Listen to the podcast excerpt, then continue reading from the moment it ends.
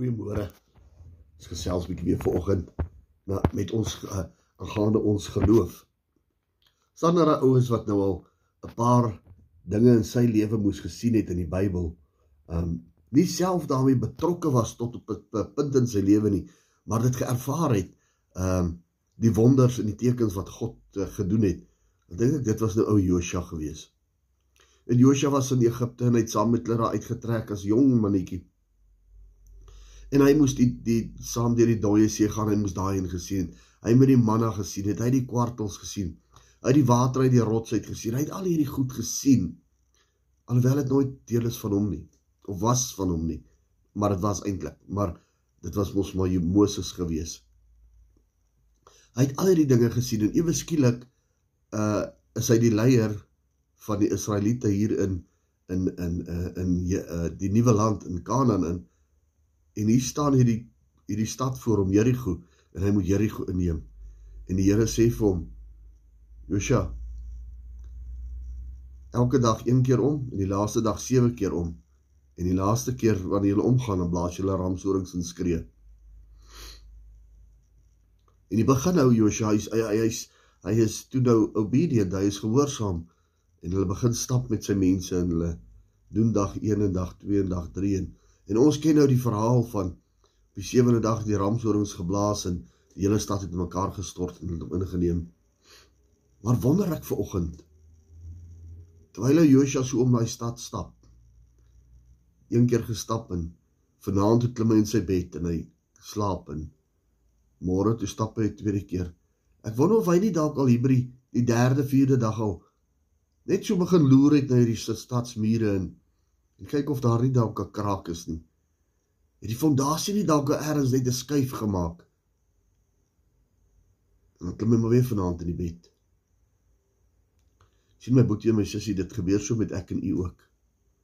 Wanneer daai wonderwerk waarvoor ons die Here vertrou, ons wandel in gehoorsaamheid, maar die duiwel kom en hy doen 'n ander triek ook. Hy bring vir ons twyfel in ons harte deur die woordjie tyd en hy en hy verswak ons en hy buig ons deur die woordjie tyd. Want ek vir een is en ek glo daar's baie van julle wat ver oggend kyk en luister wat saam met my sal stem laat. Ons is nie goeie wag ouens nie. Ek kan nie lekker lank wag nie. Ek ek 'n ding moet gebeur. So ek en Susan erns heen gaan en ons moet klaarmaak. Dan sal ek een wees wat heel laaste verkleef want as ek klaar is en reg is om te ry, dan kan ek nie ronddorrel en wag en wag en wag en wag nie. Nee, as ek klaar is, wil ek in die motor klim en ek ry.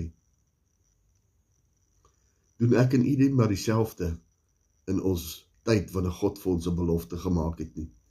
Want hy vir ons rigting aangebied het soos vir Josua in 'n opdrag gegee het.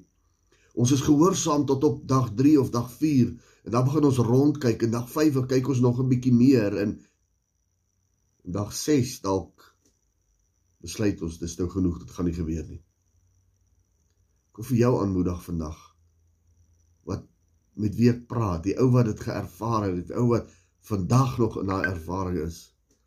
Ek wil vir jou aanmoedig om te gaan en deur te druk.